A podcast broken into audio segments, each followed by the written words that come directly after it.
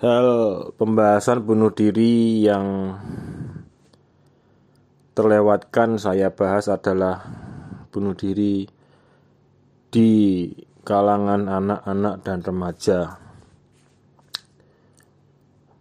Banyak juga berita-berita mengenai anak bunuh diri karena tidak dapat mengikuti kelulusan atau tidak dapat sekolah secara formal sehingga bunuh diri. Ya misalnya tidak dapat lulus ujian atau karena kecerdasan anaknya itu minim tapi dimarahin orang tuanya terus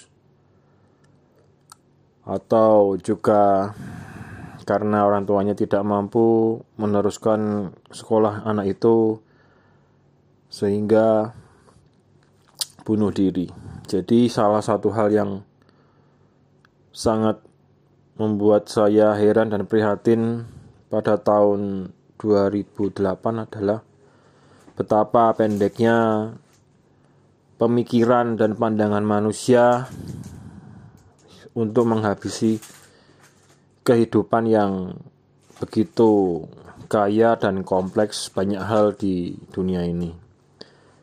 Jadi hanya hal-hal yang sepele dan hanya hal-hal yang sangat sempit atau hal-hal kecil orang mudah menjadi untuk bunuh diri itu adalah hal yang sangat mengherankan dan memprihatinkan. Orang-orang yang bunuh diri itu juga sebenarnya suatu korban dari sistem yang menguasai dunia ini, di mana sistem itu sebenarnya hanyalah pemborosan biaya, waktu, dan tenaga. Sistem suatu negara, misalnya suatu pendidikan ya di bidang pendidikan Pendidikan di negara kita ini banyak hal yang membuang biaya, waktu, dan tenaga, tetapi kemudian tidak kita gunakan ketika kita sudah lulus dari sekolah, atau bahkan biaya sekolah yang begitu tinggi, tetapi kondisi lapangan pekerjaan yang sangat minim, ataupun kondisi ekonomi yang terjajah, tertekan, sehingga uh, banyak lulusan yang tidak terpakai ataupun ya lulusan-lulusan yang bekerja pada bidang-bidang yang tidak sesuai dia pelajari. Sistem dunia yang membuat segala sesuatu barang menjadi lebih mahal, lebih mahal dan lebih mahal terus. Ya gampang aja lah contohnya harga alas kaki. Harga alas kaki yang tadinya mungkin sepatu kulit itu hanya 150.000 kemudian menjadi 300.000 kemudian menjadi 600.000 kemudian menjadi 1,2 juta. Dan beberapa juga bukan kulit asli hanya kulit-kulitan saja ternyata.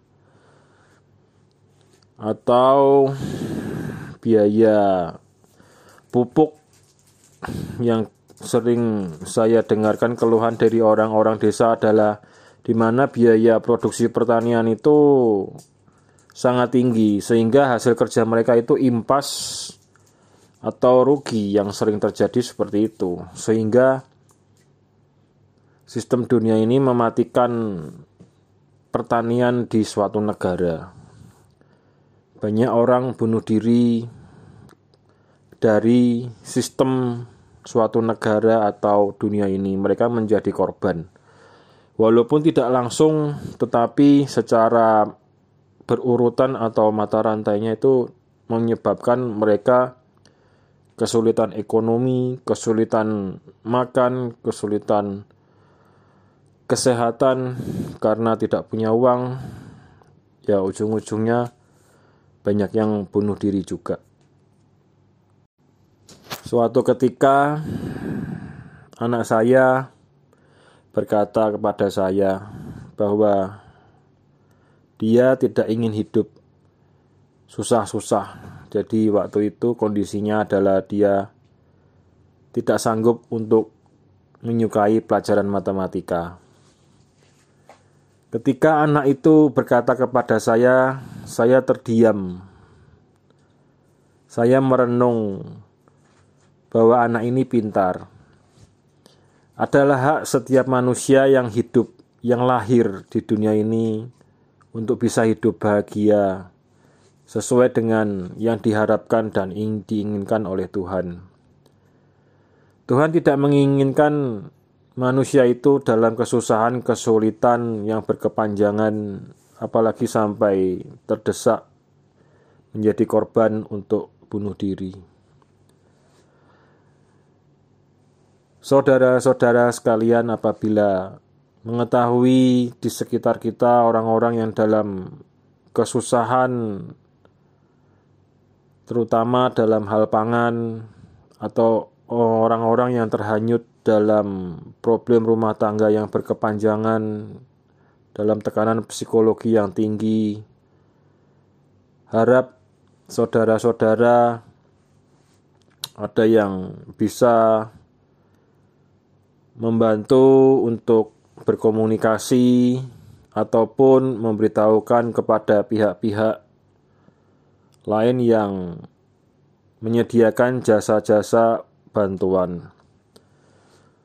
Sungguh memprihatinkan bila hanya karena hal-hal yang ringan dan sangat sempit orang menghabisi hidupnya. Ya, memang sangat sulit kondisi hidup manusia itu memang berbeda-beda. Setiap manusia yang lahir, setiap anak yang lahir, setiap anak yang timbul dari keinginan kita adalah memiliki hak untuk hidup bahagia yang tidak tertekan oleh sistem dunia ini yang telah membodohi kita. Matematika itu pelajaran yang ada tingkatannya sangat rumit. Kita bersusah payah mempelajari matematika dengan kerumitan-kerumitannya, tetapi setelah lulus sekolah juga tidak terpakai. Sistem dunia ini banyak menyiksa, dirancang untuk mempersulit kehidupan. Hidup itu sebenarnya tidak sulit. Yang sulit adalah sistem dunia ini yang mempersulit. Untuk bahagia tidak perlu biaya yang terlalu tinggi. Yang membuat biaya terlalu tinggi adalah keinginan dan keserakahan diri kita, serta kekejaman para penguasa.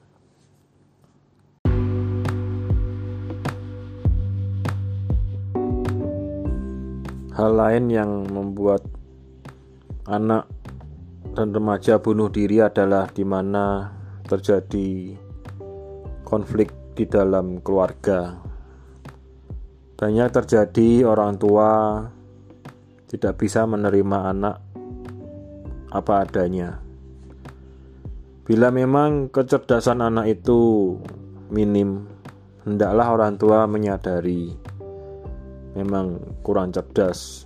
Jadi selalu dimarahin karena anak itu tidak sesuai dengan konsep yang tertanam di dalam pikiran orang tua bahwa anak itu harus cerdas. Anak yang memiliki kecatat, kecacatan tubuh atau misalnya tidak bisa melihat banyak orang tua yang tidak bisa menerima kalau marah itu selalu dibilang pakai matamu, pakai matamu. Nah, bagaimana pakai mata kalau matanya rusak? Nah, setiap hari atau hampir kalau ngomel itu selalu begitu. Apa enggak frustrasi apa tidak merusak psikologi anak gitu. Jadi ya misalnya anaknya tidak mampu menjadi orang kaya. Anaknya selalu dihina, selalu dibanding-bandingkan dengan anak lain yang lebih kaya. Orang tua yang tidak bisa menerima. Apa yang dibicarakan orang-orang teologos adalah bagaimana anak harus menghormati orang tua, anak harus merawat orang tua. Tidak berani bercerita tentang bagaimana orang tua yang begitu kejam, orang tua yang sakit jiwa, sehingga anaknya mau dibikin sakit jiwa juga. Berakhir-akhir ini kan banyak beredar itu film mengenai anak yang sangat cerdas menurut saya bisa menyampaikan keluh kesahnya ketidakadilan yang dilakukan orang tua kepada anak banyak terjadi jadi desakan orang tua itu bisa menyebabkan anak frustrasi dan bunuh diri sekali lagi orang-orang teologos itu kalau bicara jangan jual kecap manis terus memalukan. Kalian itu tidak layak bicara di publik. Apabila tidak bicara tidak bisa bicara secara seimbang, tidak bisa bicara sesuai dengan realita, tidak bisa bicara dengan secara menyeluruh, jangan bicara di depan publik. Dalam realita sering kita jumpain anak-anak remaja yang masih berumur belasan tahun bekerja sebagai pembantu rumah tangga di kota. Sungguh luar biasa, mereka mau bekerja, dan banyak juga, banyak sekali mereka yang mengirimkan hasil kerjanya, uangnya ke desa, dan saya sungguh terheran-heran dengan mereka. Mereka itu sudah mungkin kehilangan masa kebahagiaan remajanya dengan harus bekerja sebagai pembantu rumah tangga. Plus melulu mengirimkan uangnya hasil kerjanya sia sendiri ke desa dengan berbagai macam keperluan. Saya sungguh heran dan kagum juga. Namun, bila kita namun timbul pertanyaan. Pertanyaannya yaitu orang tuamu itu di desa ngapain aja? Apa mereka itu tidak berusaha bekerja? ya mereka itu juga seharusnya ikut bekerja ke kota, bukan cuma kamu yang bekerja.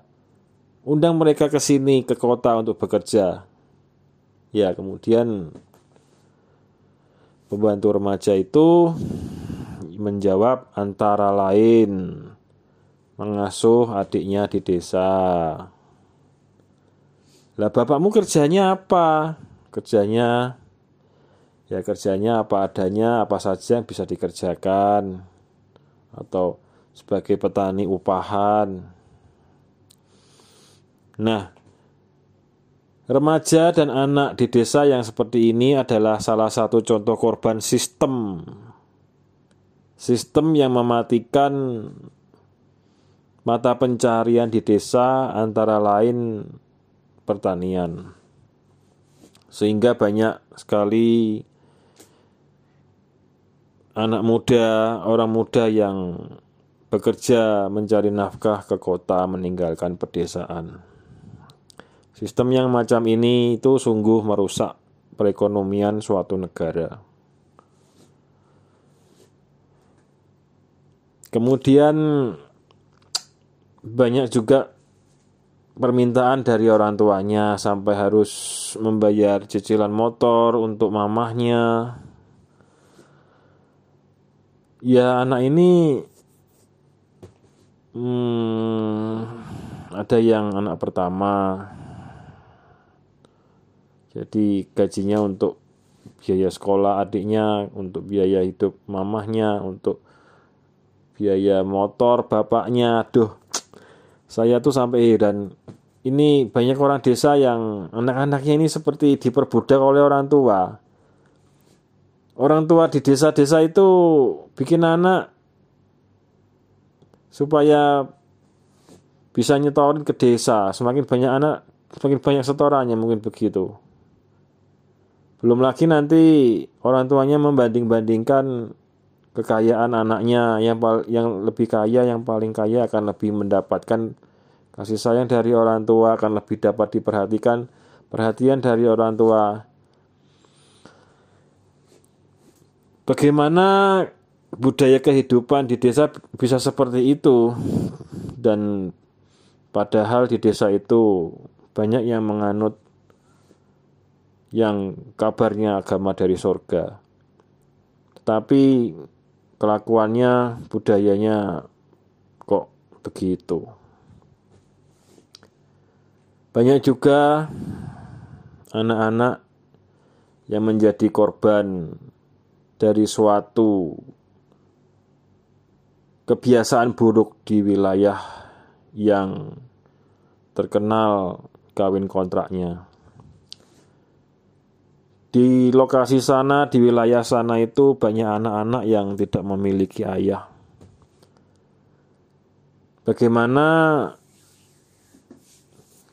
kelanjutan dari kehidupan di sana itu sungguh memprihatinkan. Sudah tidak memiliki ayah plus kesulitan ekonomi. Jadi bagaimana para penguasa itu kejam dan jahat memelihara ke, uh, semacam kebiasaan kehidupan yang seperti itu menyebabkan turun temurun. Kesulitan ekonomi itu banyak mendesak orang terpaksa harus menjual diri, terpaksa harus bekerja kawin kontrak. Ya, baru-baru ini saja pemerintah menertibkan. Padahal sudah puluhan tahun ada kejadian seperti itu dan menimbulkan anak-anak tanpa ayah plus dalam kondisi yang memprihatinkan dalam ekonominya. Sungguh memprihatinkan. Padahal di wilayah sana itu banyak tempat-tempat ibadah. Saya sungguh tidak mengerti bagaimana tempat-tempat ibadah itu? Puluhan tahun membiarkan kejadian seperti itu berlangsung. Dan akibatnya itu beruntun sampai ke anak-anak dan lain sebagainya. Mereka kehidup hidup kesulitan. Apalagi di masa-masa pandemi virus macam ini